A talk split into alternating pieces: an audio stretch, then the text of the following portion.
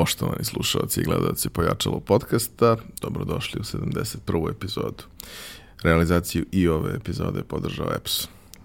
Ja sam vaš domaćin Ivan Minić, a danas imam e, neobično zadovoljstvo da mi u gostima bude jedna fantastična mlada dama. E, Ružice, dobrodošla. Bolje vas našla.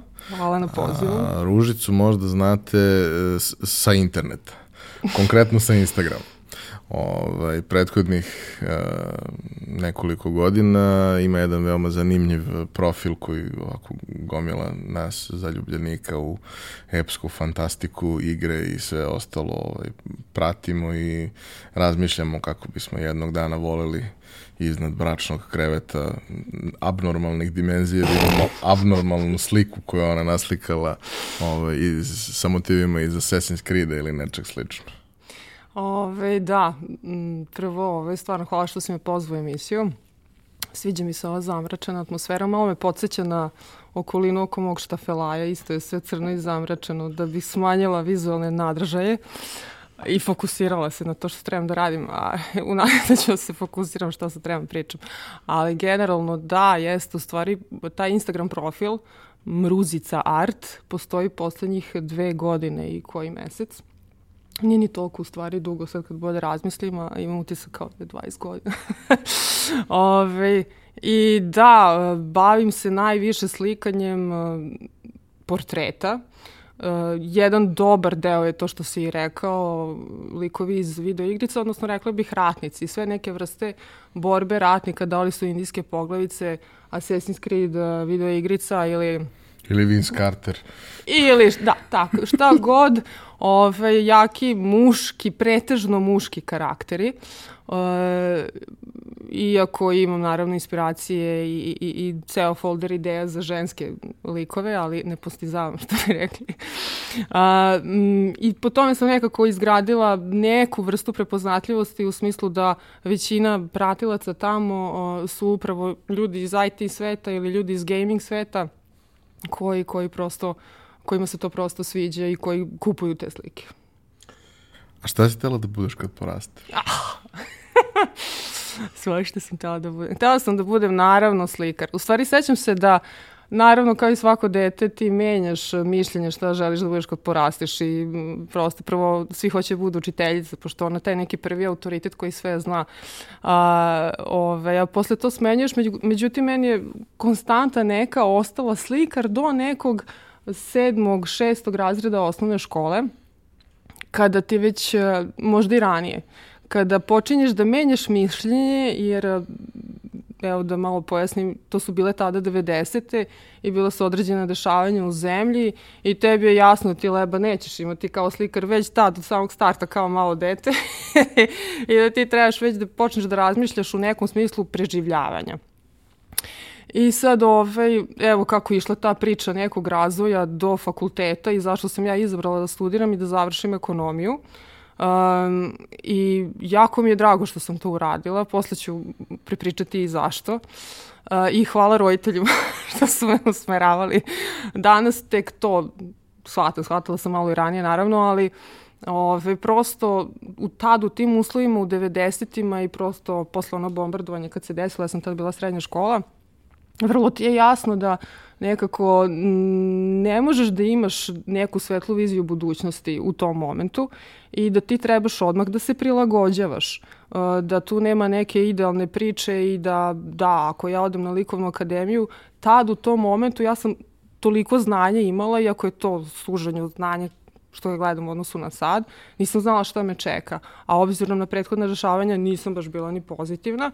I ove, bila sam u fazonu, ok, kako završim ili upišem nekim čudom ili već šta god likovnu akademiju, ja ću raditi i izvršiti kao nastavnik likovnog i to je to. Tu počinje i izvršava se moja slikarska karijera. Ja čak nisam imala ni viziju da ću ja jednog dana da budem slikar ili da ću ja jednog dana da budem slikar za koga znaju.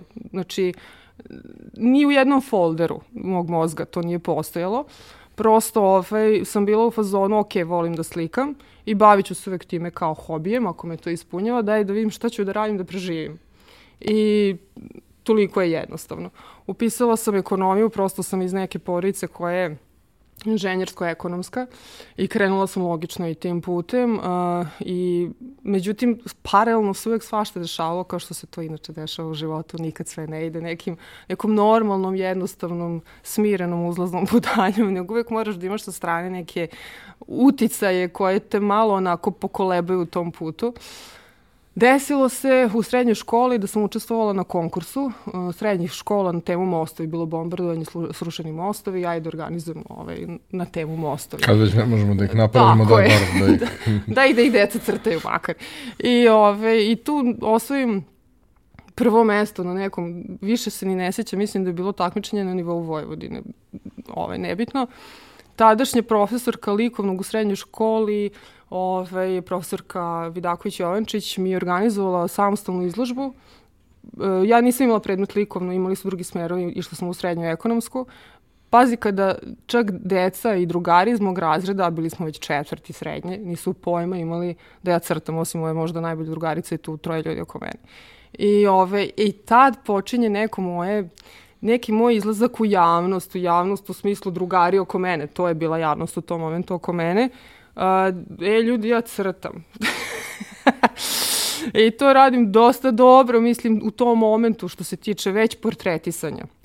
I od starta sam ja krenula mnogo više da preferiram portrete. Dalje se dešava da me prepoznaju neki ljudi iz likovne kolonije, da krenu da me zovu na likovne kolonije, opet da bih ovaj, najviše i ono, crtala portrete. I tu sam, iako sam bila paralelno studirala do neke treće godine fakulteta, uh, bila na likovnim kolonijama i to je sad jedan bitan period u nekom mom slikarskom sazrevanju, jer sam naučila najviše od slikara tamo. Prosto slikari kad su na plus 40 na vojvođanskim salašima na koloniji, malo pripiti, svašta ispričaju i nauči se puno toga. Odaju ti sve svoje tajne i cake. E sad, Istovremeno sam imala likovnog jednog pedagoga kod kog sam išla na časove. To je jedan sada pokojni Stipan Šabić e, koji mi je koji me usmeravao, ali ne bih mogla ni da kažem da je on mene nešto preterano likovno, edukativno usmeravao. On je meni više bio kao neki životni prijatelj i ja se sećam jedne njegove rečenice koja je tad bila možda ključna, a sad je mnogo bolje shvatam. A rekao mi je, uh, kad god sam ga nešto pitala, da li sam ja dobro osenčila, da li sam dobro povukla crtu, on mi je rekao, povukla crtu, kako ovo zvuči, a, on mi je rekao, radi kako osjećaš. I ovaj, decit, kako, gde, radi kako osjećaš. Mislim, bukvalno on je ako bio star sedao pored i više smo ćaskali, ali on je mene više nekako učio, ovaj, on mi je bio kao jedan od roditelja na neki način, koji su dosta uticali na mene. Šta se dalje dešava? Vidim ja da je vrag odnao šalu, obnovim godinu, daj da ja završim ovaj fakultet. U smislu, shvatila sam da ne mogu da sedim u tom momentu na dve stolice, da prosto na državnom sam fakultetu gde štrejem knjige međunarodne trgovine od 1200 strana. Ja nemam kad da idem po likovnim kolonijama i na kraju krajeva da bih opravdala neku svrhu tu na fakultetu, da je da ga završim u nekom periodu od oko pet godina. Uh, e, i završim ga. I sad, nastaje neka dobra višegodišnja pauza od slikanja. Prosto uletim u drugi svet. Uletim u neku paralelnu mene koju počnem da razvijam. I to je neko ko ovaj, sad ispada sam bipolarna ove ličnost, ali stvari, recimo da imam jednu stranu mene koja je ekonomska, bavi se marketingom i razmišlja na taj način novca, isplativosti, nedržanja zaliha, sve ono što su te naučili način razmišljanja kako od fakulteta, posle sam se zaposlila u leasing kući, banci, nastavila se bavim dalje marketingom, to ću malo u kratkim crtama. I ove, druga umetnička strana mene. Znači i onda su se svi pitali pa kako ti kao sad tu neka umetnička duša, Ove, radiš u banci, da, kako ti uopšte ove, izlaziš na kraj psihički emotivno da hendluješ target, da te gaze šefovi, da gaziš sam sebe, da te gaze klijent, mislim, svega. I, ove, ali u suštini uh, ti pojma nemaš u čemu si ok, nisi ok dok, dok te neko ne baci u vatru. I ove, naučiš da se snalaziš. E sad, Ovaj, to ti kao ovo uh, post-covid život, na primjer, sad, recimo, ljudi se prilagođavaju i nikad nisu se pre suočavali sa ovim. I sad tu je pitanje koliko će ko da se snađe. Sad pričamo, ovo možda čak ima, sad nevezano za mene, ovaj, vratit ću se posle na mene. ovo mi sad palo na pamet kao, ovaj, a, zašto to može da ima i dobre strane? Manje više se iskristališu možda kvalitetniji ljudi koji su se bo, bolje snašli uh, u smislu neke, uh, na kraju krajeva i pokazatelj neke inteligencije kako se ti snađeš u nepoznatom. Uh, logičke i emotivne inteligencije, miksa svega i prosto mislim da može u takvim situacijama da se prepozna ko će da isplivava. E sad, vratimo se nazad na mene. Da li sam ja negde isplivavala, nisam, svega je bilo. I ove, šta se u stvari dešavalo? Ja sam se zaposlila kao prodavac leasing usluge za vozila, teretna, putnička, poljoprivredne mašine, proizvodne mašine. Ja sam to sve četiri godine prodavala na leasing.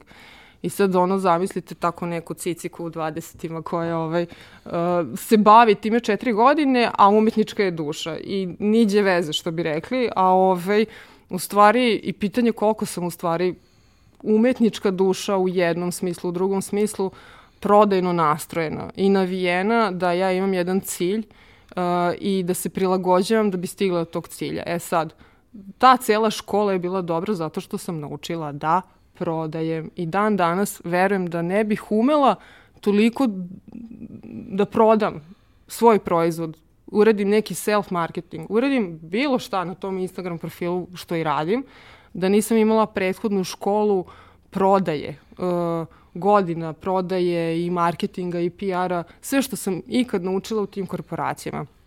Jer ako i radiš u, za druge ljudi i ako radiš po nekim strogim režimom, pod procedurama, pravilima, prosto si pod većim pritiskom na target mesečni i onda bolje upoznaš sebe i nekako jako puno toga naučiš, koliko god preznaš s jedne strane nekad od stresa, ali s druge strane puno toga naučiš. I ovaj, to je dobro ako ti to kasnije koristiš, znači ako ti nešto naučiš iz svega toga.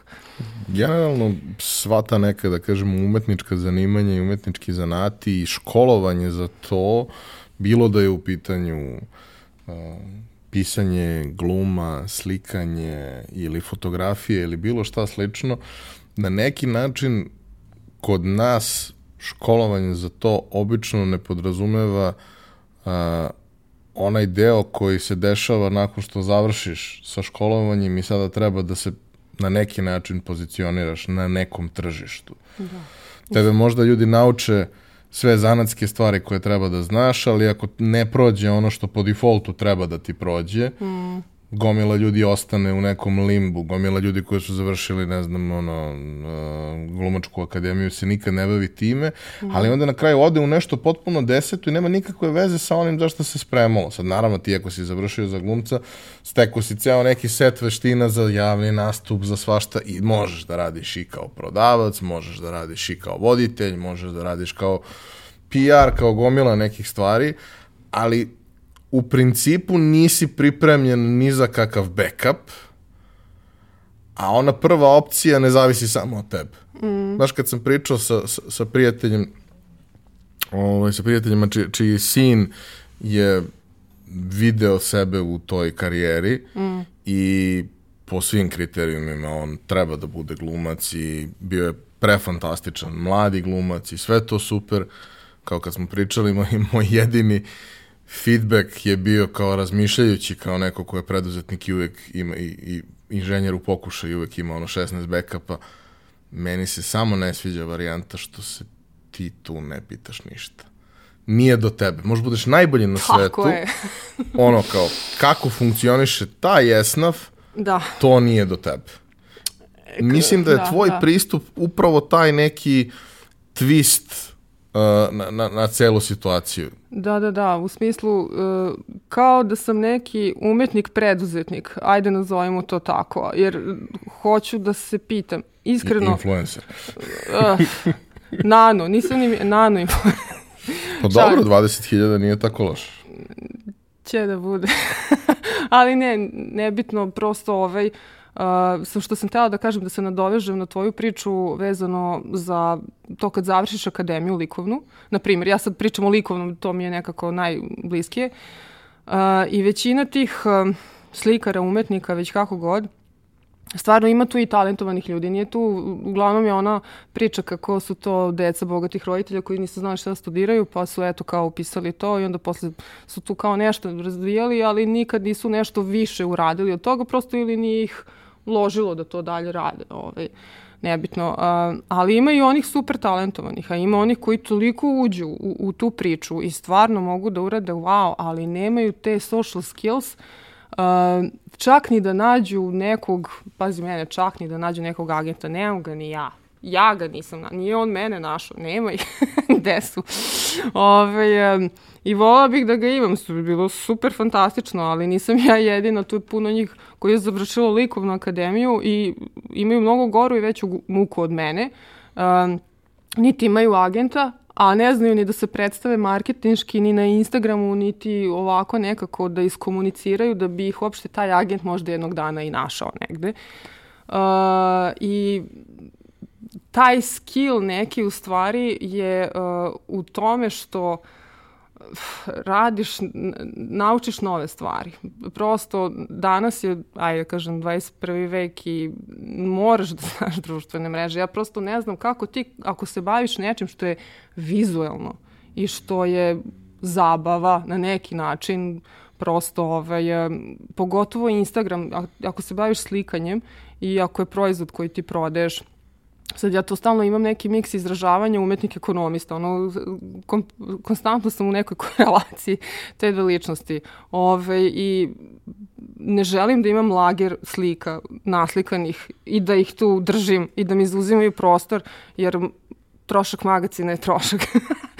A ove, I onda ću posle izvesnog vremena, ako ne uspijem da ih prodam, da dam sve od sebe da ih prodam po duplo manjoj ceni. Prosto, mislim, posle duže vremena, ako uopšte stignu dotle. Uh, bustovaću, naučit ću, sešću, ne znam, opeći ću se i taj put, ove, kada sam dala otkaz jednog dana, ove, i prosto sad posle ću malo da se vratim na tu priču, ali uh, rešila ja ću sad malo da budem slikar. E, stvar koja me najviše ugurala u to je bila uh, poslednjih nekoliko godina rada za druge ljude od 9, ne do 5, nego do 9 ili 24 časa na radno vreme, zavisno o kojoj si poziciji, koliko se daješ, je šta bi bilo, a to verujem da masa ljudi koji radi u korporaciji sedi tako, umire i razmišlja isto što sam ja razmišljala, e, šta bi bilo da ovoliko koliko se dajem i radim za drugog, radim za sebe. Ove, ovaj, I prosto ne znam da li neko ko, ako je izvršio likovnu akademiju, a nikad nije radio u takvom okruženju i u takvom čeličenju i takvim neprijatnim okolnostima, ove, da je uopšte razmišljao na taj način. Verovatno je ustao ujutru možda i radio puno, slikao puno, ali nije bio pod pritiskom ogromnim, nije bio pod pritiskom da nauči deset stvari koje ga uopšte ne interesuju, ali mora da ih zna. Ove, I onda prosto se hendluje nekako drugačije sa tim. Ne kažem sad ispadne da ono ima super mega sposobnih, čak i 20 puta digitalno marketinški sposobnih ljudi od mene koji su završili nekakvu akademiju naravno, ali sad pričamo o nekoj većini. Ove, prosto kada sam pre dve i po godina ušla u taj svet umetnosti, nekako sam gurala sebe da što više slikara upoznam, da što više naučim od njih, da bih videla šta se tu uopšte dešava. I cedila sam ih pitanjima, izvinjavam se ako sam bila smaračica, ali ovaj, to je prosto bilo iz razloga da ja vidim gde je tu moje mesto i kako ja mogu dalje da se guram. I ja sam se pronašla prosto, uh, ok, mene agent neki neće pogledati, uh, prvo, ne, nije ni toliko do toga što ja nemam akademiju, nego prvo što ja trebam da unapredim svoje slikanje i dalje ga unapređujem. Uh, E sad, tu se desila, to sam pričala, ogromna neka pauza od druge, treće godine fakulteta, pa onda uh, rad u leasingu u banci, pa sam posle prešla u marketing iz prodaje. Bila sam PR jedne banke jedno, dve, tri godine, pa sam posle prešla u telekomunikacije, dalje sam nastavila isključivo marketingom da se bavim, dok nisam stigla do nekog međunarodnog marketinga u industriji hrane za pse i mačke. I ovaj, uh, konstantno sam ja tu uh, zapostavljala slikanje do nekih pre koju godinu kad sam krenula jednu sliku godišnje da radim. Uh, mislim da ono šta, šta možeš da, da uradiš i kako da slikaš kao daj ponovo se vraćam polako. E sad, osnova slikanja je crtež. I ti ako ne znaš crtež, ti nećeš moći ni da naslikaš sliku. Šta više, rekla bih da je crtež uraditi i potrefiti portret nečiji, Uh, a to je skica jednog ulja na platnu. I kako ti uradiš skicu, manje više, tako ćeš posle ako ulje na platnu može da se menja, ali tako ćeš da postaviš osnovu za nanošenje boja, za nanošenje lika. I lično meni je mnogo teže uh, nacrtati nego uh, naređati boje. I uh, ja se cela preznojim kada radim skicu za sliku. Iako svi misle kao jao kako je njoj lako, ona tako sedne nešto kao slika. Ma ja dobijem upalu mišića od grča dva dana kada sam radila skicu i uopšte nije, nije tako, ja uživam u tome, sve to okay, ali ove, ovaj, volim da slikam, ali nije lako i svako ko misli da je to uh, neko uživanje i neki posao koji mene odmara, nije, jeste uživanje, nije posao koji me odmara. Posle tri dana slikanja nečeg portreta četiri, ja dobijem ili upalu mišića ili sam toliko iscrpljena da sledećih dan, dva dolazim sebi. Prosto zato što se odjednom dam, E sad opet radi taj ekonomista u meni. Ja ću sebi da dozvolim da slikam jednu sliku dve nelje. Nemam vremena za to, finansijski neisplativo. Ima da sednem i da završim za tri dana. Iako se uništim ta tri dana i radim satima bez, neprekidno, Ove, ovaj, ne znam kako bi ispalo da je radim duže, ne verujem da bi ispalo bolje. Mislim da je bolje da uđem u taj vibe. I ovaj, uh, i prosto kada sam dala otkaz, krenula sam ono što sam planirala. Daj da radim onoliko koliko sam radila za poslodavca. Daj da sad radim za sebe, što znači slikaću po 8 sati dnevno. I ti kad radiš bilo što 8 sati dnevno, slikaš 8 sati dnevno, ti ćeš to da naučiš da radiš sve bolje svaki dan, svake nedelje, svaki mesec. E, teo bih samo da te pitam, pošto si rekla da si kroz, da kažemo, prethodnih nekoliko godina se dosta upoznavala, družila sa slikarima, učila od njih, prosto ljudi koji su ono, završili sve što treba, ispunili te neke formalne ovaj, kvalifikacije koje su potrebne. Da. A, to zašto si se ti opredelila komercijalna stvar.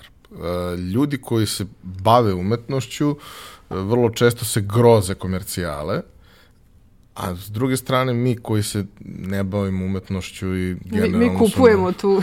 generalno koji, ko, koji na to taj pristup njihov strani čudan, mi smo u fazonu, uh, nemoj molim te me vodiš na izložbu gde neko mora da mi objasni šta je na slici i nemoj molim te mi daješ knjige u kojima neko opet mora da mi objasni šta je pisac teo da kaže. Ja da. nisam se školovo za to da bi sad tumačio sve to. Koliko misliš da je taj deo nesnađenosti koji postoji kod, kod ljudi koji su se opredelili da im to bude životni poziv, ali se u njemu nisu snašli, zbog toga što su se držali svoje neke priče svog stila ili pa tako. da, ono, kao kad ti mladi student koji je došao na prvi posao kaže nisam ja završao fakultet da bi se bavio time, e, manje drčno, ali suštinski isto. Da. Nisam ja završavao akademiju da bih slikao nečiju pudlicu, iako će to da mi plati račun naredna da, tri da. meseca, iako su prethodnih vekova i milenijuma unazad veliki slikari Isto slikali radili. pudlice, da, da, mislim, da, da, jer kao da. prosto od nečeg moraju da, da se žive. pa ovaj... Um, s jedne strane, uh, što sam više u ovome, pa sve više razumem i njih. Uh, I sad to su dve neke različite paralelne priče. Jedna je ova kojom ja idem i koja je mnogo teži put da jednog dana dođem do toga uh, Uh, nije mnogo teži, ali možda jednako težak, nebitno, da dođem do toga da moja slika vredi 50.000 evra, lupam sad, neku, ne, neku wow cifru, jer oni se drže tog svog stila, jer sad to zalazimo u umetnost i kolekcionare koji su godinama u tome, koji razumeju tu sliku, koji razumeju i abstraktnu umetnost i svašta nešto i koji su ono, toliko zagriženi u to da će da daju te pare za tu sliku. Ove, e, sad puno je slikara i prosto ove, uh, treba od nečega živeti. E sad, ovo što se mene tiče, uh, ok, postoje komercijalne teme koje se meni ne sviđaju i ne radim ih, ni pod koje pare. postoje neke komercijalne teme koje se meni sviđaju, a opet to je ono što sam rekla na početku, ratnici, nešto što je recimo moj stil, portret jak karakter koji ja trebam da prenesem na platno. Um, I naravno portret, portret naručen u smislu moj otac, moj pas, moja mačka. Moj otac i moj pas. Tako je. I sad ovaj, um, prosto ja biram onda, za, onda ću da radim ono što mogu da prodam, ne po svaku cenu, neću raditi, a ima takvih naravno ovaj, u inboxu koji imaju svoje neke, koji misle da ako imam novac i naručit ću sliku, onda misle da je veći slikar od slikara i prosto stavim i ovde potok onda cvet na slici. Mislim, to te stvari ne radim. Radila sam kad sam počinjala, jer sam bila u finansijskom škripcu. Mislim da nisam ni stavila potpis, sad me malo blam tih slika. Tako da mogu da razumem i ovaj, tu sam ukupno tri takve neke slike uradila, onda potok, onda cvet. Ovaj, da, da mi je dan danas to, bože, koji sam ja kič naslikala. Mislim, bukvalno što sam slikala tu slušajući naručioca, a ne sebe. Vidite, mi smo imali situaciju na, na jednom od intervjua za, za moju firmu, gde ove, ovaj, ljudi prave aksesuare za pse. Mm -hmm.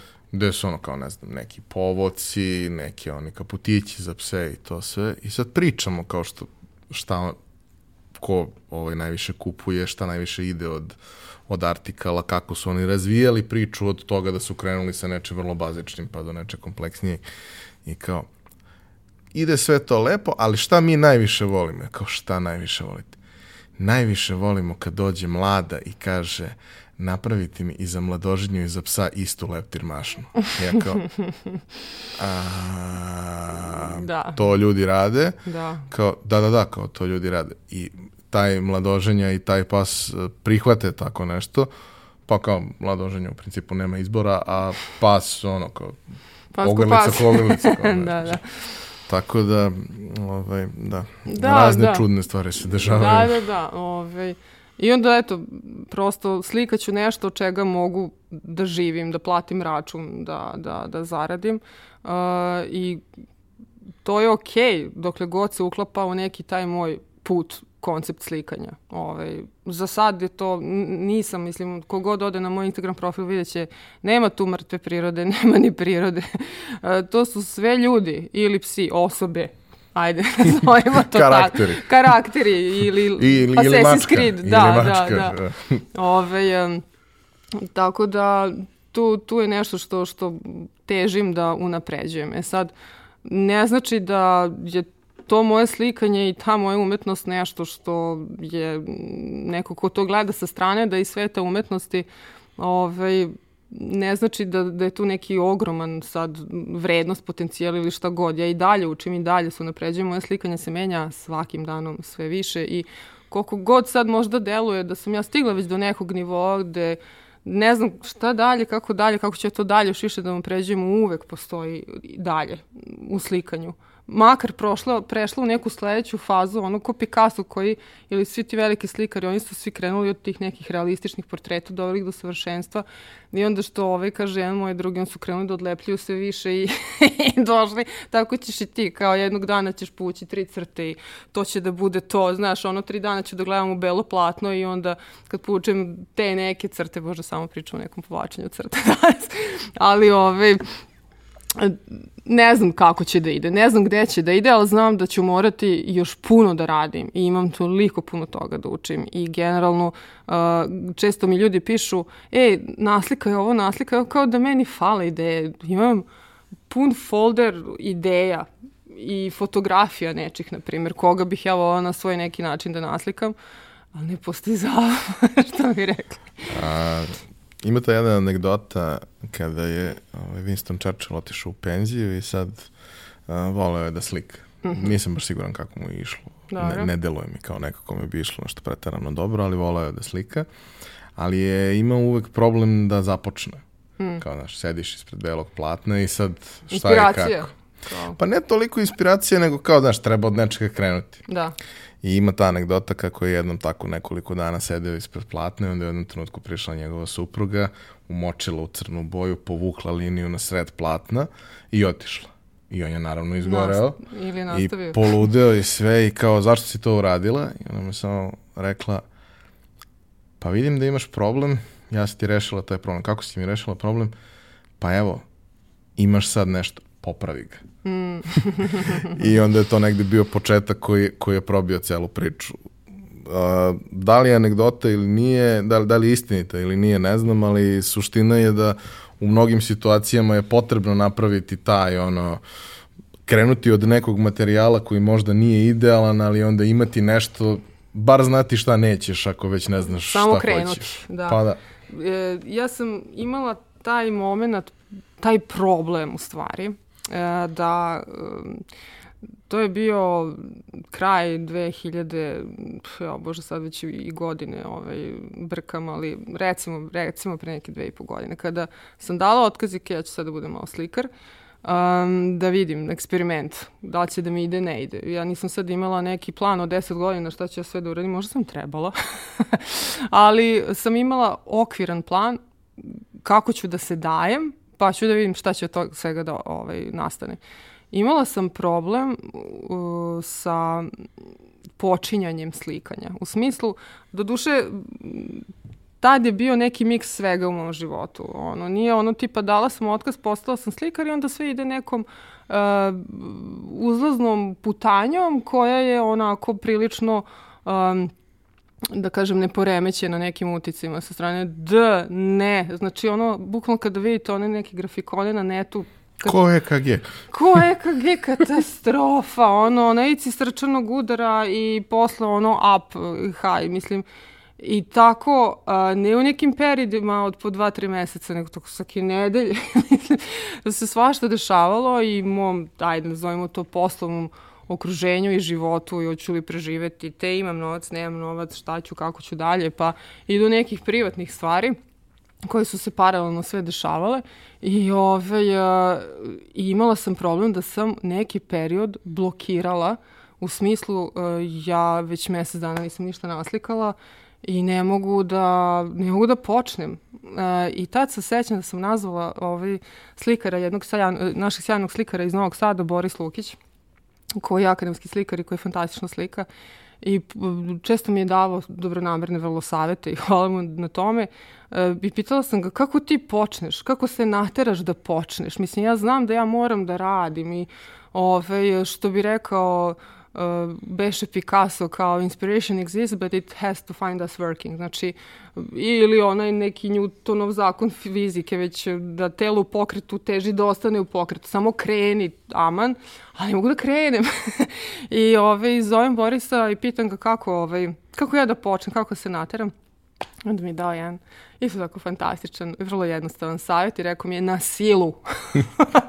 Sedneš i kreneš na silu i to uopšte ne ide jer je na silu, ali 15 minut će da krene, znaš, prosto ovaj, vratimo se na povlačenje crta, povučeš crtu i ovaj, nešto će tu da nastane I to je živa istina. I opet je to de, taj deo preznojavanja. Ti kao da imaš konstantno neku emotivnu borbu sa nekom i samo disciplinom na kraju krajeva. Bila sam prethodno 13 godina u kolektivu, gde ti kada uđeš u kancelariju i poneseš tu energiju sa sobom i imaš energiju celog tima i ti uđeš u taj vibe i radiš i ta energija treba da je na neki način i radna i pozitivna, inače bi se sve biljke u saksi u kancelariju osušile oko vas, mislim. Um, ali, ovaj, ali ti kad si sam na svom i prosto ovaj, prvi put se suočaš sa samodisciplinom i ako si mislio, ma daj koliko sam ginuo, ma ima da ustanem. Imam prvo ujutru šest da istrčim, pa onda pijem ono ceđenu pomoranđu, pa ono ko u američkim filmovima. Ne. Tako da ovaj, i taj problem samodiscipline je bio ovako malo zeznuta stvar, ali prosto uđeš, uđeš u nešto, nađeš svoj ritam ovaj, i, i nastaviš dalje. Mm, vrlo je bitno, pričali smo o tome i pripremi za, za, za razgovora i, uh mhm. -huh. i malo pre opet.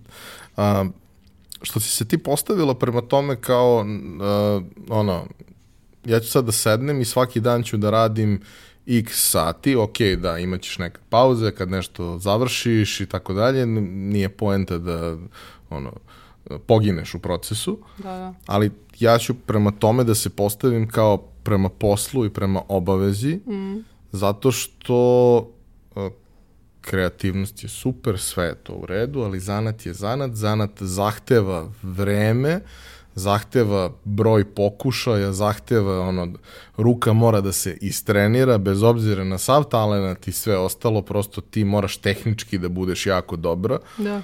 da bi mogla da ispratiš sve ono ostalo. I sad, uh, vrlo često kao, znaš, ne znam, ja sam fantastično crtao kad sam bio u, u osnovnoj školi, osvajao nagrade i sve ostalo. Sad ne mogu da nacrta pučem dve paralelne linije jer nisam koristio ruku za tako nešto godinama. Prebacio sam se u digitalu, tu nikad nisam opet otišao na tu neku ultra kreativnu stranu, nego više onako utilitarnu, to što treba da funkcionalno se napravi, napravi se i to je to. Ali ti si to skapirala i jako puno si zapravo radila i prosto volao bih da napraviš nekakav uh, trip down memory lane. Kako je to sve izgledalo i šta, prosto, uh, ti ulaziš u tu priču, počinješ lagano da budeš vidljiva, viđaju te ljudi koji su završavali te akademije, ti krećeš u neku priču sa njima, uh -huh. koliko misliš da je značilo to što su videli koliko se cimaš, mm. A sa druge strane koliko je tebi značilo da ono kao vremenom postaneš sigurnija mm. u sebe zato što prosto zamislila si da to izgleda na određeni način i na početku je to bilo tako iz sedmog pokušaja, a posle je to bilo iz prvog pokušaja. Mm. Uh, sad dok si ovo pričao nekako... Oh, trauma. da, su razne, razne traumice. Ove, ovaj, nego, u stvari, šalom stranu, htjela sam da kažem da e, koliko e, je mene gurao i digitalni marketing paralelno. Znaš, ono, da bi ti prodao sliku, ti trebaš što više ljudi da te vidi da bi statistički neki procenat njih bio zainteresovan i imao novac da kupi tu sliku. E sad, kako da dođeš što više do većeg broja ljudi, tako što ćeš ok, trebaš i da ulažeš u neki boost i sve, ali džaba sve ti moraš da si prisutan konstantno i da ljudi vide kako ti radiš konstantno. Ne ono, nemate tri nedelje, nego trebaš da si prisutan na toj društvenoj mreži svaki dan i da deliš vrlo otvoreno to što radiš, jer inače su mi neki ljudi rekli kao meni se sviđa kod tebe što nemaš sad neki trip onu obraženog slikara, nego deluješ vrlo pristupačno, kao da mogu inbox da te pitam, ej, pošto ti ovo, si još i cenkaš kao oko na pijaci, mislim, što možda baš i nije umetnički, ali ovaj, prosto da, da, da ljudi mogu tu otvoreno, opušteno da vide da kupiti sliku nije kvantna fizika, mislim, ili naručiti je, ili naručiti nečiji portret i da se možemo dogovoriti, nađemo se negde, ali ovaj, nije, nije toliko, da kažem, slikar neka ovaj, um, sociološki kao fenomen ovaj, neke a, odbojne osobe ili asocijalne osobe ili nekog ko ne zna komunicira ili obraditi se mom agentu, talk to the hand ili tako nešto. E sad, ovaj, i onda ok, to mi je bila neka podsvest, daj da sam stalno aktivna, onda ok, daj da sam stalno aktivna slikajući. Ove, i, I volim to da radim. Uh, međutim, uh, onda sam posle, ajde da kažem, otvorila sam Instagram profil negde pre dve i po godine u decembru, januaru, Uh, tad sam i izašla iz neke priče stresnog posla i dala sam sebi neki odušak da putujem i tu je bio miks svega i paralelno privatnog života. Nešto sam bila ovaj, u, u Houstonu u Americi, tad smo mi i počeli da komuniciramo. Ovaj, pa sam se vraćala u Srbiju. I sve vreme paralelno sam se trudila daj da gradim priču slikajući jer ovo mi je once in a lifetime, kao ovo mi je šansa, prvi put u životu, ja imam šansu da budem ono što sam kao mala devojčica rekla bez ikakve svesti o 90-ima u zabavištu i prvom osnovne, ja bi da budem slikar. Ona da, aj sad imaš tu šansu, radi nešto. Ove, I I onda sam imala ovaj, i neke periode da te blokade i kad je vrag odno šalu i ostala bez para, uh, simple as that, što bi rekli, sad da zvučim kao Petar Vasić, bože, ovaj, ubacam engleski izraz, ali prosto uh, krenula sam da radim tako što sam sama sebi postavila challenge, a da bi se držala tog challenge-a, onda sam ga objavila javno, jer ako ga ne ispunim, blamirat ću se javno. I onda ovaj, objavim, ja ću slikam dve, dva ulja na platnu nedeljno. I onda ovi ostali slikari koji isto rade, prate me i kažu, ti normal, kak, kak, pa, dobro, ajde, baš da vidim. I ove, tako što ću, neću spavati, radit ću danonoćno. uh, ali ako je to, čekaj, stani maj, uh, četiri nedelje maja puta dva, osam slika, pa valjda ću od tih osam da prodam dve pa ću da platim račune, na primjer. To je bila prosto moja ekonomska logika i statistički kako da ja to zakonom verovatnoće uspijem da platim račun. Uh, I I ja to krenem, znači to je bilo toliko heavy u početku. E, već kod treće sam prodala sliku e, i onda je to krenulo, krenulo i sad kad si ti tako prisutan i trudiš se kao konj. I ono što je najzanimljivije, čak i ti neki lajci koji te prate, koji vole vizualnu ovaj, umetnost e, i nisu završili likovnu akademiju, nisu i sveta umetnosti, vide napredak moj. Vidim ga i ja. Mislim, vidim ga, ali konstantno sam samo kritična. Nikad mi se nijedna slika ne sviđa u potpuno. Da, ja sam jedna od tih kojim se nikad ništa ne sviđa što ali ove, moram prosto naučila sam i da stanem, da ne cimam, da, da znam kada stanem da je slikam. Ove, tu kraja nikad ne bi bilo. Menjala bih je konstantno. I ovaj, Uh, I onda kreće taj neki napredak, izučavanje, menjanje stila i čak u nekom momentu sam krenula da radim crno-beli portret, ulje na platnu, uh, koji nije crno-beli. Tu svi misle kao to je crna i bela. Nije, ima sedam boja, ali se tih sedam boja ne vide. Tu ima i srebrne i brown i svega. Ali deluje dvobojno. I kako sam ja došla do toga, nisam sama došla do toga. To uopšte čak nije ni moja ideja. Meni je prosto došao uh, neki naručilac i rekao uh, poslao mi fotografiju uh, kao, i to je jedan moj divan, sjajan klijent koji je upravo pred treći dan, pre jedno tri dana naručio 19 sliku od mene i hvala mu prosto, evo možemo ga nazvati kolekcionarem. Ove, uh, I on je rekao kao, bi mogla ovde naslikaš? Međutim, poslao mi je uh, crno-belu fotografiju. Uh, I sad ja se mislim, čekaj šta šta sad on misli? On misli tako crno-belo da naslikam ili da ja to obojim? Pa nije definisao. I sad razmišljam, mislim se ispred puka igra slučaja. Da, mogu, mogu, pokušat ću, da. Misliš crno-belo? A on onako, da, da, crno-belo. I, I tako nastane prva crno-bela slika. Pritom, naravno, ta, ta prva crno-bela slika, ne mogu se setim da je bilo, da li je bio Robert De Niro ili već čiji portret, još od pre, od ranije, ne sad ovaj, od nedavno. Um, samo sam crnu i belu koristila i izgledao je čovjek kao duh, a ne kao živa osoba. I onda sam skapirala, ok, ovako ne radi. Vjerojatno bi to već znao neko na prvoj godini likovne akademije, ali bože moj, učimo se. I onda posle sam krenula da menjam i taj stil i desio se isto neki moment, već posle ne znam koje crno-bele slike portreta. Uh, I to se sad sve dešava da ja svaki mesec dobijem po hiljadu ljudi, hiljadu pratilaca više.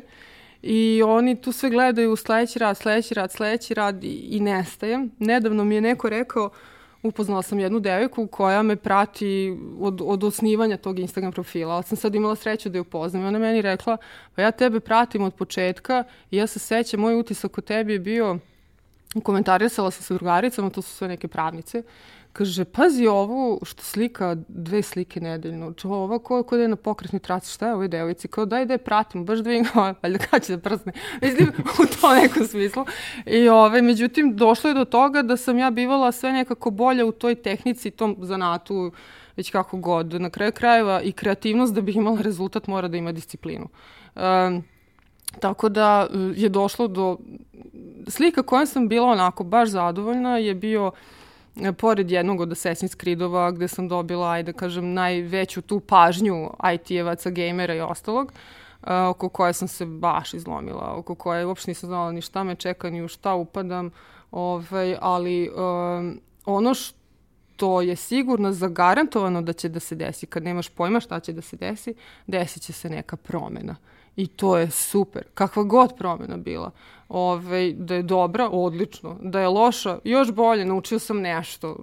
Pa ću sledeći put bolje da budem. Čak i ako sam dobio traumicu, super. Znači sad sam se očeličila. Mislim, nije baš tako divno kako se ovako zvuči, ali prosto, eto, tako, pitao si me kako si ti sebe, ovaj, uh, kako sam samu sebi hendlovala ovaj, kroz te uspone i padove. Ovaj, Uh, ali opet s druge strane sam imala i podršku porodice i prijatelja i ovaj, ne bi, ne bi mnogo ni uspela. Mislim, možda bi, ne znam šta bi se desilo, ali ovaj, podržavali su me definitivno. Pominjala si malo pre, pre nego što smo upalili kamere da si gledala Last Dance i pre par meseci si slikala portret Vinsa Cartera, mm. koji je meni čestitao 35. rođendan, zahvaljujući mom prijatelju Nebojši Radović. A, zašto, zašto pomenjem uopšte to sve? A, NBA timovi e, imaju te neke, mislim, to je ono, kao Amerika, imaju neke fantastične slogane koje, koje provlače i sad e, svaki tim u zavisnosti na stil igre ima nešto što provlače kao svoj slogan. I ne mogu da setim koji od njih je, ali u suštini se odnosi na sve i odnosi se na svako ko se ikad bavi ozbiljnim sportom i bilo čemu. Trust the process. Aha, da. Znaš, kao, jednostavno, uh, šta će da se desi ako, ako veruješ u proces, možda će da se desi ranije, možda će da se desi kasnije, ali neminovno će da se desi. Da. Tako, jednostavno, ako uradiš sve ove stvari, to će neminovno dati rezultat. Ako imaš malo više sreće, super je da imaš malo više sreće, daće taj rezultat ranije. Mm. Ako ne, daće taj rezultat kasnije, ali znaš kao, mi, da li ono zbog mentaliteta, podneblja, istorije i svega ostalog, generalno nismo spremni da pravimo bilo kakav izlazak iz zone komfora ili plan za, za, za bilo šta. Znaš, sve vreme razmišljaš ono kao, da, a, ja ću sad da posvetim ovome tri meseca i ako posle tri meseca nema rezultata, ja ću da dignem ruke, a da si sačekao šest ili devet, možda bi ti se suštinski promenio život. Da, da, da, da. da, da. pritom, ono kao, u šta god da uđeš, šta god da kreneš, prva tri meseca će ti biti najgora i, znaš, e, ja mislim da je moj najveći kvalitet kao ono uh, profesionalca i, i preduzetnika i tako dalje, što ja nemam problem sa tim mm -hmm. da kad uđem u nešto novo znam da ću da budem jako loš. Da. Kao bit ću loš, da, da, da. ali ću onda da budem manje loš, mm. ali ću onda da budem uporan kao mazga i za x meseci ću sigurno biti ok u tome. Da, da. Uh, nekako, zvučat će sad možda malo nadobudno, ružno i tako dalje, ali poenta je tu, pa imajte to u vidu. Ovaj. Ja stvarno verujem za mnoge ljude da je talent prokledstvo. Jer talent vrlo često čini da ti taj proces na početku bude prelak. Mm. Ti preskočiš 20 stepenika na kojima se drugi polome mm. I onda dođeš do zida koji ne možeš da preskočiš. Odnosno, možeš da preskočiš, ali ti nemaš ono više ni, ni energije, ni, ni, ni, ni koncentraciju, ni, ni ono što kažu kondiciju za to koju si stekao na tih 20 stepenika, jer si ti to lako preskočio. Tebi je to bilo prelako. I onda budeš preskočen od strane ovih koji su već u kondiciji, pa da. Tako je. Oni koji prosto ono kao bili su svesni toga da će morati mnogo da rade i pripremili su se na to da će morati mnogo da rade i nije problem da. što to rade. Da. Pa sad već kad si rekao talent, uh, baš sam imala, ovaj, često sam čula tu rečenicu kao, a ti si talentovana, tebi je lako. E sad, ovaj, um, tu bih nešto objasnila, iako to mnogi već znaju, ali uh, ono što je Einstein rekao da je 99% radi, 1% zapravo talent, to ne da je živa istina. Uh, u smislu, ok, postoji neki talent, uh, ali uh, kada su me pitali, jao, pa kad si ti počela da slikaš, kad si počela da crtaš, je to od malih nogu, jesi bila talentovana tako uvek? I sad, uh, moja rana sećanja počinju o tome, znaš, ono, neko se seća majčine otrave, neko se seća ne znam čega, prvog nečega, a ja se sećam kako sam u dvorištu svoje kuće do besvesti crtala krovove i cigle uh, i onda sam krenula do besvesti da crtam neke haljine I u stvari sam ja to sve radila tako, mučeći sebe na neki način, zato što sam to volela da radim. E sad, kad jedno dete uh, daš mu da nešto nacrta i on bavi se time pet minuta i povuče tri linije i nacrta čičaglišu, ove, znaće da nacrta tog čičaglišu i ako to više ne uradi ni jednom, ostaće na čičagliši do kraja života. E sad, ove, ako daš detetu koje to voli da radi, e, on će nacrtati čičaglišu jednom, drugi put, treći put, petstoti put i onda već kada sam Pa istigla... da ga osenči. Da, onda će svašta da radi, onda će kreći 3D i čičagliča će sam krenuti da trči, ali ove, e, kad sam došla u osnovnu školu, bila sam bolja u crtanju od osnovnih, ostalih, samo zato što sam ja to mnogo više radila od njih između ostalog. Znači, kad sam došla kući, crtala sam. Tamo sam crtala, pa sam opet crtala i stalno sam crtala i postala sam, počela sam to da usavršavam i na kraju krajeva na tom likovnom odstavu zvuči isto čudno, ovaj, na mene su imali, ja ne znam da li ovo jedan slikar ikad rekao, ali na mene su imali neviđeni uticaj nastavnice likovnog u osnovnoj školi i to zato što sam ih slušala. Znaš, ono, svi dođu na likovno i ovaj, tu se zezaju. Znaš, likovno je bilo predmet gde ćeš sigurno da imaš četvorku ili peticu, ovaj, dobro, aj nacrtat ćeš nešto, samo da prođeš, nije to, ono, ne znam šta teško, nije to matematika, fizika, a ja sam ono tipa upijala svaku reč te osobe, e, prosto sam davala tome ogroman značaj. O, iako sam ok bila Vukovac, imala sam ja petice iz oslih predmeta, ali meni je likovno bilo sa fizičkim zajedno svrha. Ove, Tako da, kad si spomenuo ovaj, e, taj Netflixov ovaj, dokumentarac, to jest već koliko je to bilo, deset epizoda, uh, o Jordanu, a opet uh, ja sam neko ko je došao iz sveta treniranja košarke 10 godina. I posle toga borilačkih veština jedno, isto nekoliko, neki period. Uh, i, I u meni je možda i ta sportska disciplina. Uh, prosto ovaj, zašto sam radila dve slike nedeljno. Ne znam, da li bih to radila da me sport nije naučio da kad kreneš nema stajanja i nema, svaki sledeći trening je jako bitan. Kraj krajeva ispadne kao da mi je slika jedan trening i da bih bila bolja, ja to moram da nastavljam i svaki dan i da ne prekidam. Ako izostanem sa treninga dve nedelje, koliko meni treba treću nedelju da se ponovo vratim nazad u onu kondiciju. Čak sam jednom imala, to je bilo ozbiljna životna lekcija, prelom lobanje u petom osnovne na košarci, mislim unutrašnje sve ok. Ove, nisam bila...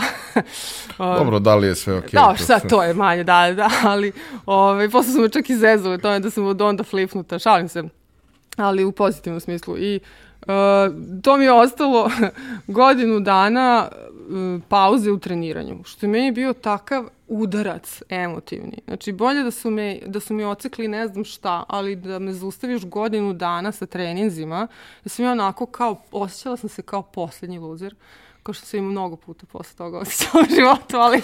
Pripremilo. Da, da, ovo je bilo jedan od tih gde sam godinu dana sedala na klupi i gledala kako ostali uh, igraju košarku, bacaju ono, trojke ili sve ostalo, a ja sedim na klupi i zato što imam prelom, a pritom dobro sam se osjećala, taj prelom lobanje, kako izgleda kad slomiš lobanju, ne stavite glavu u gips, nego ti trebaš da si mesec dana u polumraku, mraku, da čuvaš glavu i da nemaš nikakvu fizičku aktivnost sledećih godinu dana. I to, to kažeš jednom sportskom detetu, koji ceo život trči.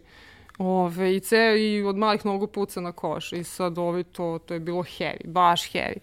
I kad sam se vratila na košarku, bila sam najgora, a pre toga sam bila kapiten. I onda se vratiš posle godinu dana pauze i onda krećeš ponovo iz početka. Čoveče, e, to je ovaj, kad krećeš iz početka, stvar u kojoj si nekad bio među boljima. Ovaj, to je bilo heavy. Ali ti neki failovi te valjda nauče ovaj, kasnije kako šta da hendluješ te stvari. Ovaj, ustaneš, otresaš presinu sebe, nastaviš dalje, idemo dalje i to je tako valjda. Um, nisi se dotakla toga mnogo, pomenula si u, u par nekih momenta, ali suštinski um,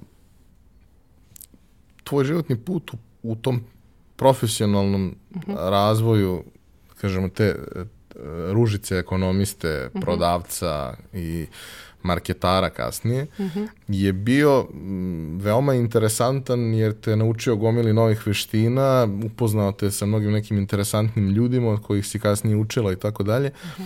ali u jednom periodu bio ekstremno stresan za tebe. Mm, mm. I uh, volao bih da, da, da podeliš to sa nama iz razloga što uh, previše nas se jako puno daje stvarima koje vrlo verovatno nisu dovoljno vredne toga. Uh mhm. -huh. I počnemo da razmišljamo o tome da bi možda nešto trebalo da promenimo tek onda kad osetimo posledice. Da. A ne bi bilo možda loše ako bi jedan od sto, na primer, uradio pre nego što dođu posledice.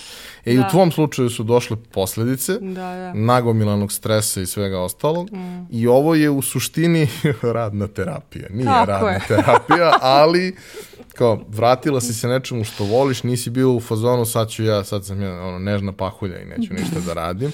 Ne, radit ću mnogo, da. ali ću bar da radim ono što volim i radit ću da. za sebe. E sad, da. šta se tu zapravo dešavalo, dešavalo, kako je došlo do toga? Da, da, krenimo od početka.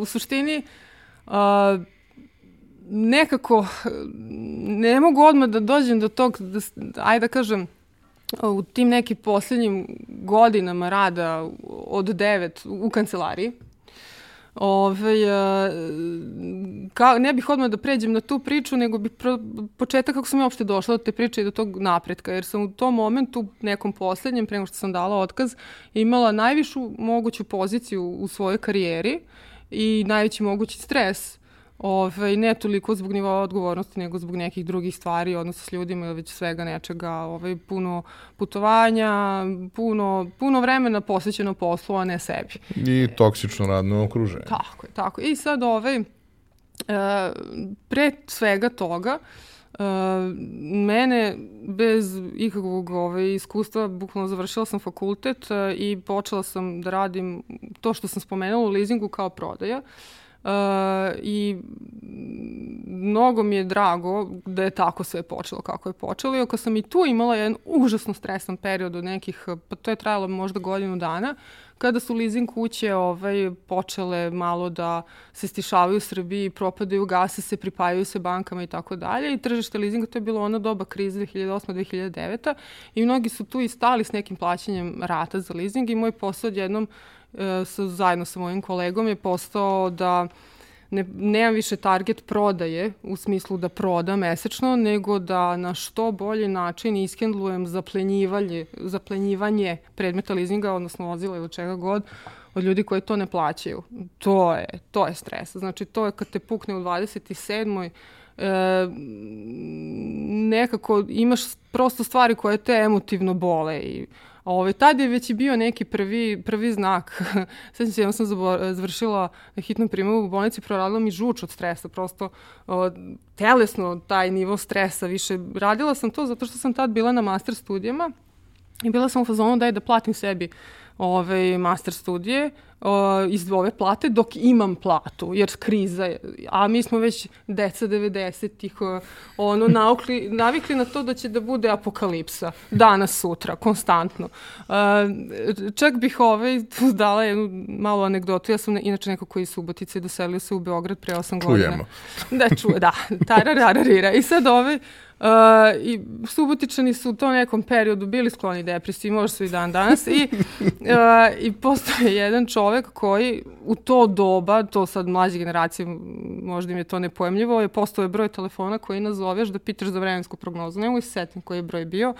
A neki bi, kao što pozoveš koje je vreme, koliko časova ima, ovaj, pozoveš da pitaš kakva je vremenska prognoza za sutra. I postoje jedan čovjek u Subotici koji inače bio možda ovako malo devijatnog ponašanja, ovaj, sa nekom diagnozom i on je svaki dan zvao taj broj telefona da pita dobar dan, a ako vrlo pristojno subotički onda te pukne neka rečenica i izjava koju ono, nothing coming, će to da dođe.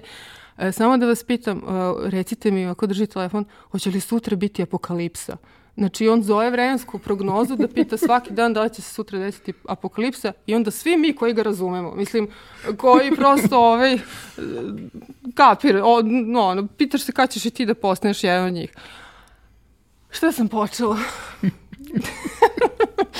Uđemo u ovu subotičku priču, ode mi mozak na sever. Ove, ovaj, um, Stres na stres, poslu. Stres, da, da, da. I ovaj, nisam desila apokalipsa, zaplenjivala sam to, prošli taj period. Preživjela sam ga nekako, iako sam mislila, ma to je to gotovo, sledeći mesec dajem otkaz. I onda tako svaki mesec nekako i guraš nekako dalje. I prestane i ta agonija, ovaj, nekako se stabilizuje ta situacija, uh, pređem iz leasinga u banku, preselim se iz Subotice u Beograd. E sad, um, tu tek počinje stres. I moj život u Beogradu poslednjih 8 godina, ja sam sad 38, ću da budem uskoro u avgustu, ali uh, je takav jedan roller coaster, promene poslova, uh, dečka, veze, uh, načina života, uh, prosto kada pogledam svoje 30. kakva zabava, kakva žurka. Kao 2020. samo razvučen. Vrlo. Ove, tako da, prelazim u banku, iako je banka bila vlasnik leasing kuće, zapravo sam ostala u istoj firmi na neki način, sedam godina kad se sve zajedno sabere.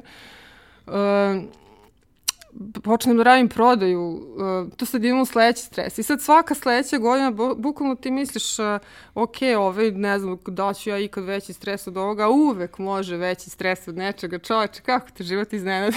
to je. Ali to je recimo period u kome većina banaka, ono, ne drastično, ali lagano, kroz vreme, smanjuje broj, broj zaposlenih, zaposlenih, smanjuje da, broj da. ekspozitura i svega ostalog i ono, taj stres koji se javlja u takvim situacijama, to nije sad ono kao, znaš, sečak nezova otišlo je od 900 ljudi 500 je otišlo za dan. Ali se konstantno dešavaju Dešava, ružne da, stvari, da, da. konstantno imaš pritisak, konstantno gde je onaj što je sedeo tamo, nema ga više. A, dobro. Da, da. I svaki Ili, dan je neko i svaki... Neizvesnost i prosto ti dođeš i ne znaš sad ono već koja je fora bila, da li će da ti radi telefon ili su ti već isključili pristup programima. Hm. Prosto, ovaj, nije ti prijatno ovaj, to iščekivanje, da li si ti sledeći. I Ove, ali nastaviš da guraš, pa onda nekako sebi objašnjaš to na drugi način. I uđem ja u prodaju Beograda, Ove, neki period sam radila kao savjetnik za privredu, gde sam dosta naučila i privredi Beograda i funkcionisanja, da bi se tu pružila neka šansa da ove, konkurišem interno za odeljenje marketinga u okviru banke da prođem konkurs, bilo je dosta interno zaposlenih zaposl prijavljenih. Gde je tu ovaj, tadašnji menadžer, ajde da kažem, ovaj, i hvala mu na tome, dao meni neku šansu da počnem svoju karijeru, da se potpuno preobratim iz prodaje, bankarstva, privrede, uh, finansijskih nekih analiza i, i, i, i svega oslog što sam gradila dugogodišnji odnos sa klijentima, da počnem od potpune nule. Znači ja sad počinjem u marketingu i moj prvi radni dan u marketingu je bilo da napišem, da pokušam da napišem uh, sinopsis za neki scenariju. Pritom nisam znala odem na Google šta je reč sinopsis, čoveče, pojma nema. Mislim, ove, još sam onako, sećam se tog scenarija, ušla u kancelariju i tu sad odeljenje marketinga, kreativci, ljudi došli u starkama na poslu, ne, ne pričaju s klijentima, pa prosto po proceduri je okej okay da dođu u starkama na poslu, a još onako cicika iz prode došla u štiklicama i suknjici i držim se i dalje svih pravila kao da ću sada imam sastanak sa klijentom.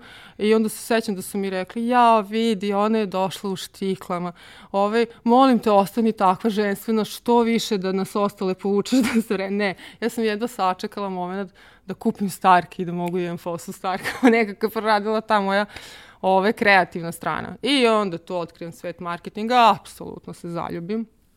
Uh, I ove, tu sam nešto i napredovala, da bi, eto, kroz godina par došla do neke pozicije brand communications menadžera za evropske države, gde mi se život pretvorio u 24-časovni rad, uh, nespavanje, često putovanja, borak avionima, iako posao je dono jako puno toga dobrog jako puno toga naučenog puno pozitivnih stvari. Opet i taj neki odnos sa zaposlenima takođe i u mnogim momentima bio fenomenalan. Ja i dalje pamtim neke najbolje moguće momente, emocije i sve ostalo, jer prosto kad ti imaš tako neki ono posao koji nose sa sobom i veliki stres i onda i bolje upoznaš i te kolege oko sebe i na negativan, i na pozitivan način, na razne način. Znaš, znaš kako ne želiš da ih znaš otprilike, znaš ih bolje nego bračnog partnera otprilike, jer provodiš sa njima 12 sati dnevno.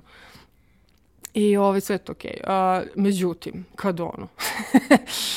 kako prepoznati znake, odnosno, šta se tu desilo, tačno se sećam, tačno se sećam kako sam ignorisala sve, posle sam razmišljala, je ćurko jedna, ovaj, to je bilo neko leto, pa sad da me ubeš da li je bilo 2017. ili 2018. Ne, 2017. to bilo.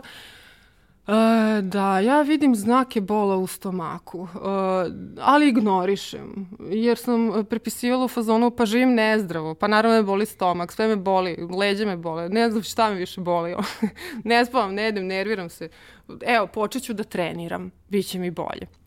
I onda to tako odlažeš sledeće nedelje, pa sledeće nedelje, pa se nerviraš, pa upadaš na zepa, pa onda upadaš u takav stres da ti je ventil, na primer meni je bila ventil, impulsivna kupovina, shopping. I dan danas imam super cipele i torbe iz tog vremena.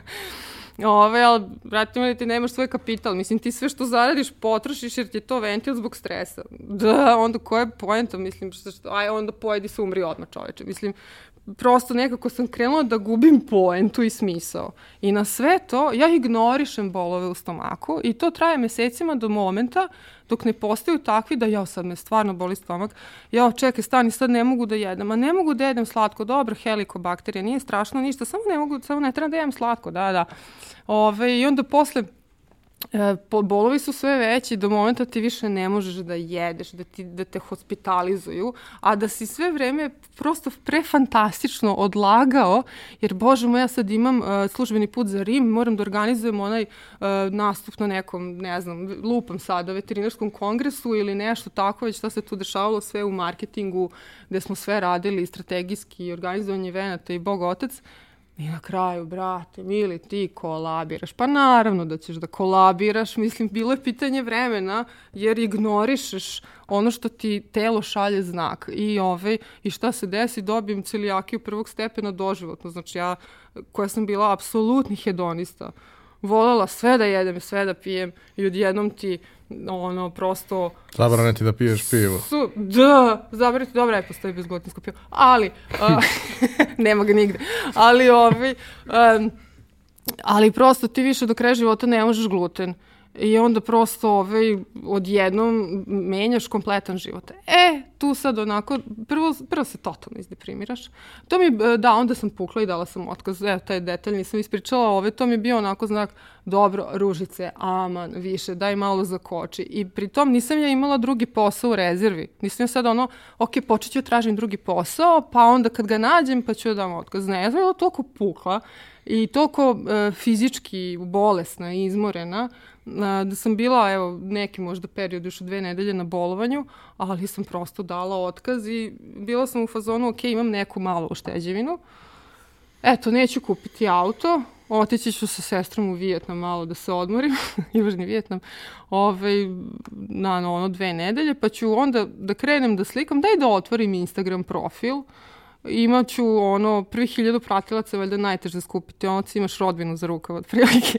Ali, ovaj, E, I onda ću ja da slikam i onda tu paralelno se toliko toga dešavalo sledeće dve godine. Znači, ta, taj, e, prosto misliš, ok, ovo je bila jedna vrsta stresa, ovo rad u korporaciji za drugoga i sad si sam na svome i ti misliš, dobro, bit će druga vrsta stresa, ali bar ćeš čuvati sebi zdravlje na svom, što sam spomenula, onu priču, američki film, ustajem u sedam, džogiram, pijem, seđem po moranđu, sedam, radim za sebe, sve završim do četiri, onda idem da se družim s ljudima. Ne. I, ove, I tu kreću usponi i padovi. Uh, paralelno s nekim privatnim životom se desilo to da sam imala raskid nekih dve nedelje, desetak dana pred venčanje.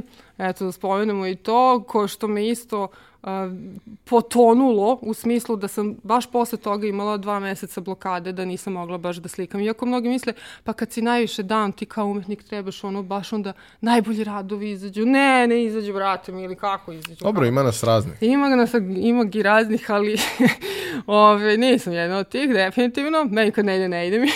ne ide mi ništa.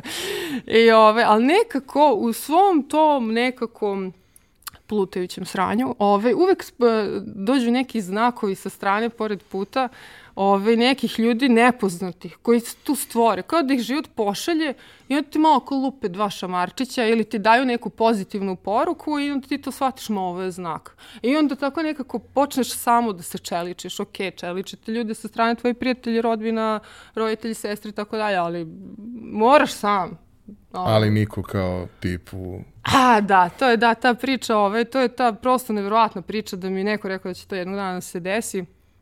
Priča uopšte nije spektakularna. Spektakularna je samo splet događaja koji se desio. Uh, ali opet i ta neka pouka. Uh, desilo se raskid pred venčanje, a ja imam venčanicu, imam cipele, imam Boga oca. I sad u svemu tome butik u kom sam radila venčanicom mi javi, jao Ružice, gotova vam je venčanica, dođite na posljednju probu. A ja o, raskinuli pre par dana. I baš taj dan je 14. februar, dan zaljubljenih. I ceo jeben, izvinjam se psovnju, gradi u srcima. I sad ja idem ovaj, idem u butik, šta ću da kažem da smo raskinuli. On ko najveći loser ono, u životu, otprilike se osjećam. Um, generalno. I sad, ulazim ja u butik i sad prodavačica meni kaže da ono čime je videla sa vrata, iako mi je faca bila ono flat, uh, kao divno, došli ste, evo ga, i krene da vadi iz onog nailona tu venčanicu, poslednja proba finalna, sve je okej, okay. ja kažem, molim vas, ovaj, spakujte mi to, ovaj, neću da je oblačim, dajte da ja ovo platim, završavamo, i sad ona mene gleda šta je problem, ja kažem, a raskinuli smo neće biti venčanje, sve otkiz, otkazano i to je to. I ono u fazonu bila žena u šoku, ono, gleda me na probama nedeljama, ove, ne znam šta se desilo, ono, žena sedna, njoj se slošilo, ove, a kao li meni. I sad ja onako gledamo nju i sad ona kao šta se desilo, desilo, ja tebi žena pričam šta se desilo, ne znam ni ja šta se desilo na kraju kraja, ove, eto, desilo se. I sad u celoj toj priči, pošto to je butik koji radi haljine, ne radi ono, da je kreatorka nisu samo u pitanju haljine koja je bela haljina pa je venčanica, nego prosto i kaputi i torbe i prstenje i svašta. I stoji tu neki čovek od svojih nekih 45 godina I, ove, I sve vreme ćuti i gleda da kupi poklon svojoj dragoj, pošto je 14. februar, i, ove, i oko pogleda i kaže, prosto upadne u ceo ovaj scenariju i krene onako vrlo, vrlo vrcavo, šarmantno da priča. Kada ja se izvinjavam ovaj, što upadam u ovu priču, prosto nisam mogo da ne čujem. E, I samo da kažem, zašto ne izađete devojci u susret i ponudite zamenu za ovu venčanicu, pa imate, mislim, venčanicu bele haljina koji sve ostale, pa prosto za neki kaput ili bilo šta u toj vrednosti nije mala cifra, pa kao ajde da pomognemo devojci.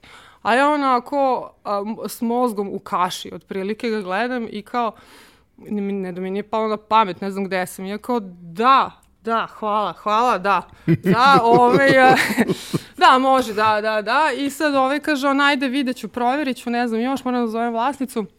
Ništa, vi probajte ovaj, nešto što vam se sviđa. I sad scenario se nastavlja. E, ne znam koga poslao, koja sudbina, ja ovako oblačim neki ciklama kaputić i sad tu je ogromno gledalo. A on tu kao gleda neko prstenje, pogleda mene i sad on ovako nazad, ja ga vidim u ogledalu, u odrazu.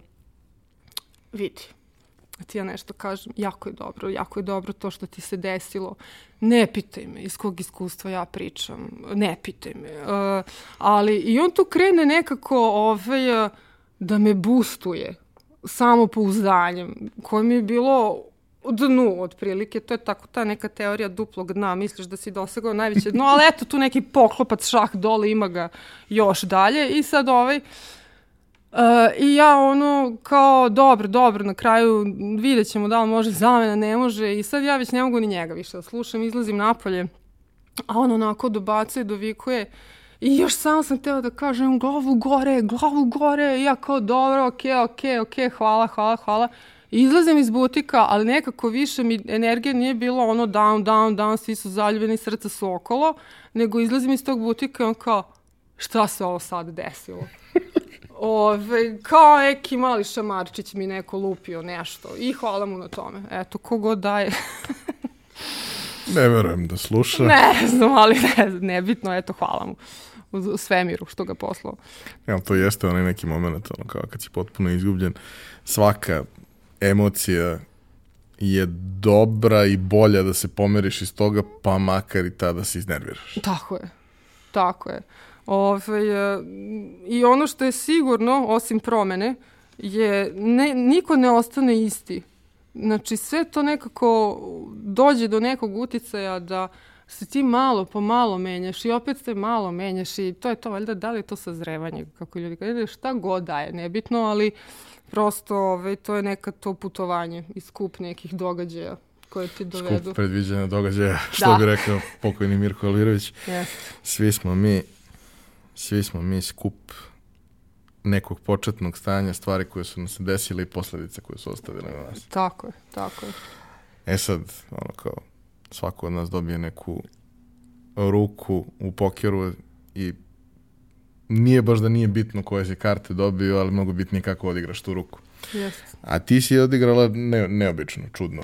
I ti slikaš te čudne stvari, stavljaš na Instagram, veruješ u proces, snimaš sebe kako slikaš, snimaš radove, verovatno ne objavljuješ sve, ima gomila stvari koje su možda tu negde ovaj, neke privatne poručbine i slično, ali a, za kraj bih volao samo da se dotaknem malo više tog dela, uh -huh. gde, ok, ti krećeš da otvaraš profil, krećeš lagano da postavljaš nekakav materijal, još nema mačke, sad je mačka 70% svega što objaviš. Ovaj, ali dobro, storimo, mačka je storimo, zaista, zaista smešna. Ovaj, da, da. Ovaj, a, ali kao, kako ide cela priča sa, sa ljudima? Ok, u, ubole si tematiku koja je m, koja ima svoju nišu da. tržišnu. A, taj post E, gde ti stojiš pored slike motiva iz Assassin's Creed-a izgleda da. wow i ti to boostuješ i to dolazi do sve većih broja ljudi sa druge strane objavljujući razne druge sadržaje dodatno animiraš publiku koja te prati mm. i ono kao kao što sam nedavno rekao u jednom webinaru to što neko prati neki brand ili nekoga ne znači da je on kupac mm ali opet ako dovoljno veliki broj ljudi zna, postoji taj neki statistički moment i postoje ljudi koji znaju ljude i tako dalje i tako dalje mm. i to prosto dođe do, do, do neke publike ako, ako dovoljno na tome radiš. Ali šta su neki najznačajniji pointi u toj, u toj tom procesu koji je trajao dve i po godine? Mm. Šta su neki momenti koji su se dešavali? Šta da. su neke stvari koje pamtiš? Da, koje, koje ovaj, osim tog konstantnog kupca, kolekcionara, a, bilo je tu nekih momenta kada sam, ajde kažem, nisam ja ništa novo izmislila, nego prosto sam videla kako da skrenem pažnju na svoj rad i da li ću giveawayom, da li ću da poklonim nekoj poznatoj ličnosti portret ili šta god ta poznata ličnost želi, ove, koji ima veći broj ono, pažnje i onda tako na taj način da preuzmerim pažnju oni koji su zainteresovani na mene. E sad, ono što bih malo istakla, što to je opet uh, nepredvidivo bilo i malo neplanski ispalo. Sad ispadne kao da se meni sve nešto tako desilo, a u stvari da, svima se svašta dešava, samo je pitanje kako ćeš ti tu priliku da ugrabiš i kako da ćeš... Da da primetiš uopšte. Da, da ćeš uopšte nešto iz toga da izvučeš. I desilo se da sam ja jednog dana sela i naslikala bez ikakve namere, bez uopšte plana da ću ja to toj osobi da poklonim tu sliku. Jako volim uh, filmove Pedra Almodovara i sad postoji jedan film koji se zove Abla Konelja, ono, pričaj sa njom, talk with her. I sad, e, tu je neka scena, tu su u tom filmu neke tri paralelne priče i jedna od njih je žena koja glumi toreadora, u, u, bori se sa bikovima, ono, i sve ostalo, sa sve onom uniformom i svim. Uh, a opet, opet se vraćam na taj vibe, to je ono što ja slikam, te jake karaktere, bilo muške, ženske, nebitno. Ovaj. I prosto je ta scena u filmu gde sam zamrzla kadar, gde uh, ona ovaj, gleda u bika i toliko ima taj izraz stav sve vrišti iz nje. Ovaj, neverovatno samopouzdanje. Mislim, sad će ono uh, ljudi za borbu prava životinja da me on da onda ubija bika, ali ovaj, prosto... To je posao. To je posao, ali uh, nije ni toliko do toga, nego taj njen moment uh, i ta neka snaga karaktera i jačina. I to je ono što volim da prenesem na platno. I, ove, I ja sam nju naslikala tako. Bez ikakve namere, ja sam bila u fazonu, ma ko će ovo da kupi? Ko gleda filmove Petra Almodovara oko mene? Mislim, gleda ih neko. A ko će još da pare za to? Ma neće niko. Ova slika očito ostaje meni i često tako kad nešto naslikam, ispadne super, jer sam radila potpuno opušteno, bez ičih očekivanja, ove, i ko fazonu ma ostiće meni. Na kraju to ispadne nešto sasvim na kraju super. E sad, što se dalje desilo? Ja to objavim i stavim hashtag ovaj, uh, tog filma. I onda, pazi kad nisam znala kako se zove glumica, tek kad sam naslikala sliku, ja izgooglam, a, Rosario Flores se zove, i onda stavim hashtag Rosario Flores. I šta se dalje dešava, ja to objavim na Instagramu. I sad opet taj neverovatan splet e, događaja u digitalnom svetu koji u momentu može da ti pruži tako neverovatnu šansu da ne znam da li bi jedan agent umetnosti to bi uradio kad bi ga dobro platila, verovatno, ili uzeo ne, neku veću cifru toga. A ovo je došlo besplatno na neki način. Uh, I njen hashtag prate njeni, jel te, obožavatelji. Ispostavlja se da onda ja čekaj stani, ovaj, odem na njen profil, žena ima pola miliona pratilaca, možda sad je milion, tad imala pola miliona.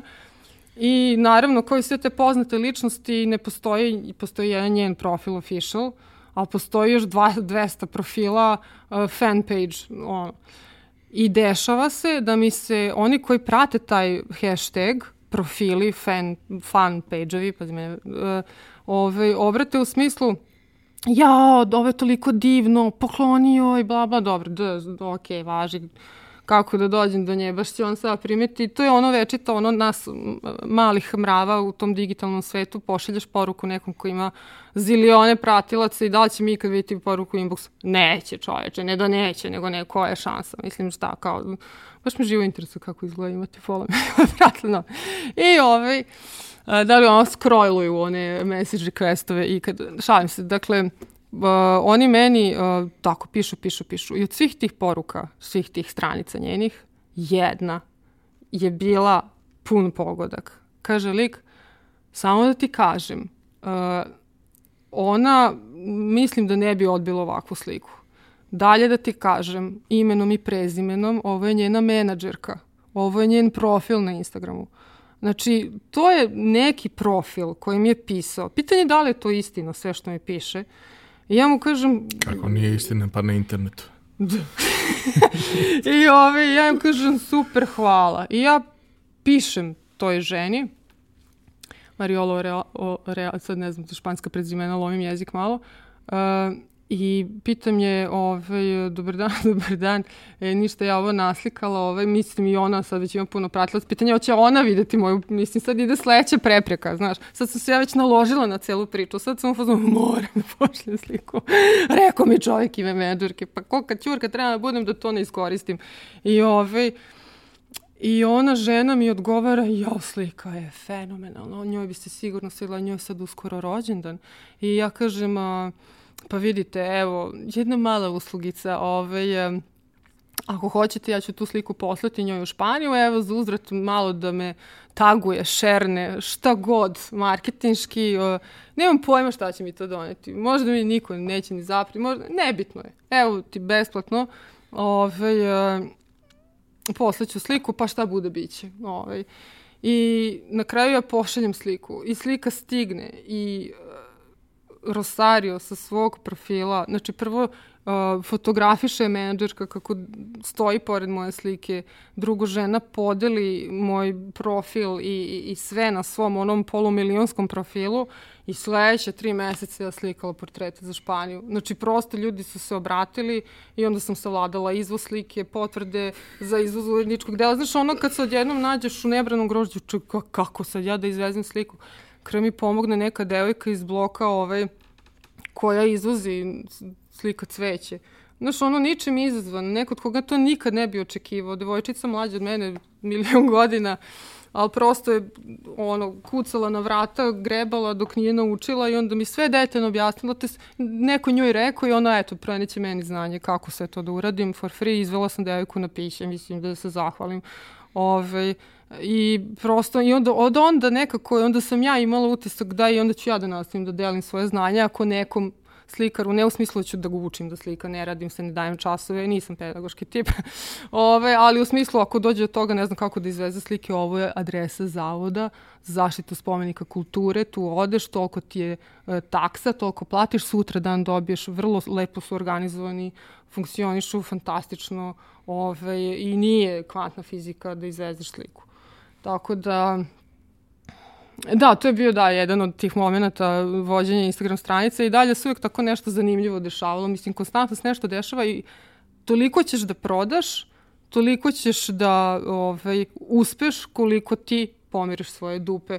Mislim, prosto jednostavno je u periodu kada ja smorila sam sa slikanjima, mesec dana ne slikam kako to ima jedan negativan efekt, kao da si preduzetnik. Znači, bukvalno da ne možeš sebi da dozvoliš da miruješ. Ok, otići ćeš na neki odmor, uh, ove dve nedelje, tri, ali ti već treću nedelju osjećaš posledicu toga što si ti na odmoru treću nedelju donekle, ovaj, i bar kad si u tom zanosu, zaletu i početku, nazovimo ovo i dalje početak, nadam se ovaj, da, da, da će to da ide u neku dalju, ono, bolju, još bolju možda priču, tako da ovaj, ono što, na što sigurno možeš da računaš je promena i da, da će se nešto desiti i da će uticati na tebe na ovaj ili onaj način. Eto. E, tvoja priča je e, bila kao roller coaster, kao i tvojih prethodnih ovaj, desetak, 15 godina života. E, hvala ti što si je podelila. Nadam se da ćeš neku novu devojčicu ili nekog dečaka koji razmišlja o tome i svi mu govore da to ne može, ovaj, da ćeš im pokazati da može ako se oni malo prilagode i ako malo drugačije razmišljaju o, o, o tome što rade, šta god da je to nešto što ih zanima. Jer suštinski, znaš, vrlo često kada pričamo, da, ali da bi to uspelo, potreban je prostor u medijima. A da, ali sada možeš sam da budeš svoj medij. Da. I sada mediji provode jako mnogo vremena uh, tražeći ljude koji su interesantni. Mm. Nije uopšte toliko teško privući tu pažnju, mm. ali zapravo moraš da uzmeš i da radiš. I da radiš konstantno i da stalno izbacuješ nešto novo i znaš kao, ja, ja znam ljude koji rade slične stvari kao ti, koji su prosto u mnogim situacijama kada su mogli da naprave tu razliku mm. i da ok, možda to ne bude njihov primarni posao, ali bude nekakav hobi koji značajno i doprinosi kućnom budžetu, a i njihovom osjećaju zadovoljstva za životom za početak, mm. su odabrali da ipak urade nešto drugo, su odabrali da ipak pobegnu od te odgovornosti pred sobom koju nosi bavljenje nečim čime si želeo da se baviš kad si bio, kad si bio mali. Znaš, ja manje više sve goste pitam šta su tere da budu kad porastu. Jer to na neki način govori, bez obzira što većina njih nije završila sa, sa tim zanimanjem i tom profesijom i tim pozivom, to ti dosta govori o tome kako su razmišljali, kako su se uh, razvijali oblikovali. kroz vreme, kako, u kom smeru su se uopšte oblikovali. Mm A onda kad ti ispričaš svoju priču, vidiš šta ih je sve umeđu vremenu udarilo, pomerilo, da, kao skrenulo. Svaki preduzetnik je na nekom početku bio neki sanjar. Ove, I onda posle, možda da se vodio striktno i strogo materijalnom stranom ne bi uspeo, ako je nešto posle uspeo ovaj, da, da uradi više na osnovu tog nekog sanjarenja od ranije. Uh, mislim da, da, da, da za dosta ljudi ono, kada se krenu tu neku priču dođemo do tog momenta da sam znao šta me čeka, nikad ne bih ušao u to. Mm. E, baš je super da. što nisi znao šta te čeka da, da. i baš je super jer kada god postoji neka velika stvar koja te uplaši, mm. ako je konzumiraš korak po korak i zalogaj po zalogaj, ne bude to toliko strašno. Mm. Ne bude da. to toliko strašno da stigneš negde gde možda nisi ni sanjao da možeš da stigneš. Tako je. Već ćemo u Španiju. Naprijed. Ružice, hvala ti što si bila. Hvala tebi. Hvala našim drugarima iz Epsona što nas i dalje podržavaju. Hvala vama što ste nas slušali i gledali i kao i do sada molim vas da sve svoje komentare, ideje, predloge ostavite na za to predviđenim mestima na društvenim mrežama, a mi se čujemo i vidimo.